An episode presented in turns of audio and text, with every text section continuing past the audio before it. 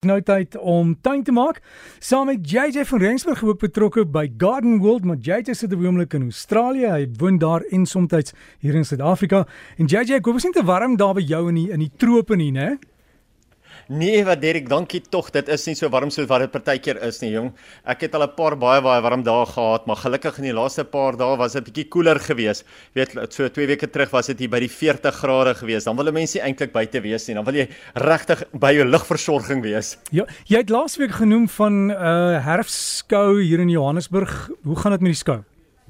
Daar sê ja nee definitief voor ek by hierdie week se program kom wil ek graag net vinnig noem dat die Gardenwold Herfsfees wel op die oomblik aan die gang is en dit gaan baie baie goed daarso.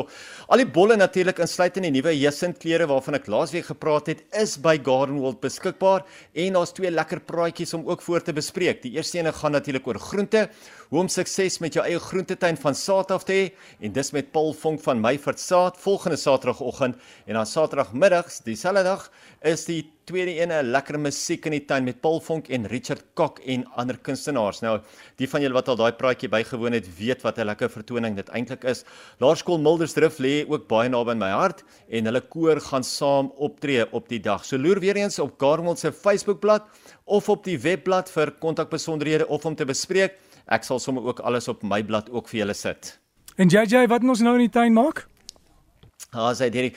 Man, jy sê my glo nie hierdie week die 22ste was dit wêreldwaterdag gewees. Nou ek weet daar's groot vloede um in gedeeltes van die land, maar dit raak so amper aan die einde van die reenseisoen in die binneland en amper aan die begin van die reën in die Kaap-area, behalwe natuurlik as die Kaapstorms kry soos wat dit op die oomblik doen. 'n nou, Een onderwerp wat ek nie gereeld genoeg aanraak nie, is waterwyse tuinmaak beginsels of waterwise gardening soos dit in Engels geken word.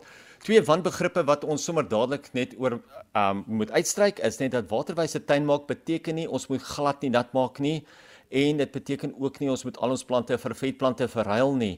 Baie mense dink sodra mense praat van waterwyse tuin maak dan is dit die twee hoof opsies wat 'n mens het en nee dit is nie so nie. Kom ons kyk gou na 'n paar basiese maniere om water te spaar wat baie keer ook oor die hoof gesien word.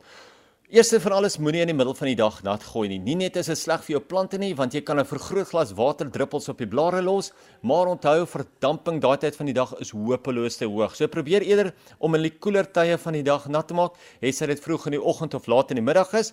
Ek verkies dit natuurlik vroeg in die oggend, dan kry mense nie so baie swamme op die plante nie. Dit is nie altyd moontlik nie en partykeer moet 'n mens maar later in die dag ook nat maak, maar net nie in die warmste tyd van die dag nie. Tweedens gooi jou grasperk en jou beddings nat wanneer dit werklik nodig is. Dis nie nodig om alles elke tweede of derde dag nat te gooi nie. Gooi minder gereeld nat dat die plante se wortels lekker diep en sterk kan ontwikkel en die water eintlik kan gaan soek. So gaan jy baie minder water nodig hê en so gaan jy seker maak dat as jy jou plante nat gooi dat hulle letterlik water nodig het en dat hulle wel sterker wortels gaan maak, gaan gaan vorm. Derdens, gebruik die regte plante volgens die water wat jy kan gee. As jy nie 'n boorgat het of pitwater het nie, sou ek nie 'n tropiese tuin aangeplant het nie. Ek het vroeër gesê 'n mens moenie alles vervang vir vetplante nie. Maar ja, vetplante, kaktus en alwyne het definitief minder water nodig. So as jy in 'n warm area bly of jy bly waar daar nie baie water beskikbaar is nie en jy gaan nuwe beddings aanplant, probeer eerder om vetplante, kaktusse of alwyne te gebruik wat natuurlik baie minder water nodig het. Raak jy laat jou grasperk ook langer groei. Dis ons vierde punt. Um grasperke wat baie kort gesny word, se wortels word amper blootgestel aan die son en so probeer eerder om die blaarbedekking effens langer te los om die wortels te beskerm, maar ook die verdamping self te verminder. So kan 'n mens jou grasperk self koeler hou en dan hoef 'n mens ook nie so baie uh, water te gee nie. Dis nogal interessant hoeveel mense hulle grasperk eintlik doodsny deur om net te kort te sny. En jy kan dink as 'n mens sit met hierso in die 30s en 40s grade Celsius wat dit eintlik aan die grond en aan die grasperk self dan doen. Vyfde op my lys is Dekla. Nou Dekla is so belangrik dat dit in sekere lande verpligtend is om te gebruik. Ek verstaan nie hoekom dit nie 'n norm word in Suid-Afrika ook nie, want dit help geweldig baie. Dekla Dekla het verskeie voordele, maar van 'n waterwyse oogpunt hou Dekla vog in en dit hou ook die grond lekker koel. Dan help Dekla ook met erosie. Dit breek die spoed van die water en dit gee die water ook kans om in te trek. So kyk bietjie uit as jy wil water spaar in die tuin, kyk na Dekla. Vang soveel as moontlik reënwater op om later te gebruik. Ek weet spasie vir 'n watertank is baie keer 'n probleem, maar daar is deesdae nou tanks beskikbaar wat wat baie nou is. Jy weet so 'n mens kan selfs kyk of jy 'n tank in die grond kan weggrou sodat jy nie jou spasie verloor nie, maar probeer as jy kan om reënwater op te vang. Sewende punt, moenie die tuinslang gebruik as dit nie nodig is nie. Die meeste munisipale krane se vloeitempo gee maklik tussen 3000 en 4000 liter per uur.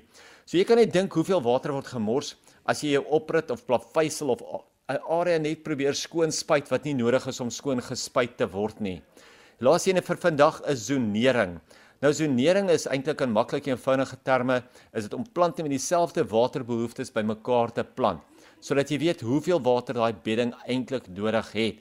So probeer om jou plante reg te zoneer en as jy kan as jy 'n nuwe tuin gaan aanplant of as daar een plant in 'n bedding is wat baie water vereis en die res van die plante nie eintlik so baie water nodig het nie, haal daai plant uit en skuif hom na 'n tuin toe of na 'n bedding toe waar 'n mens meer gereeld dan kan water gee. Ek weet daar is nog geweldig baie reëls wat 'n mens kan volg as dit kom by waterbesparing in die tuin. As ons kyk na grijswater en dis meer, maar ja, mens kan eintlik oneindig baie daarvan plant, daarvan praat.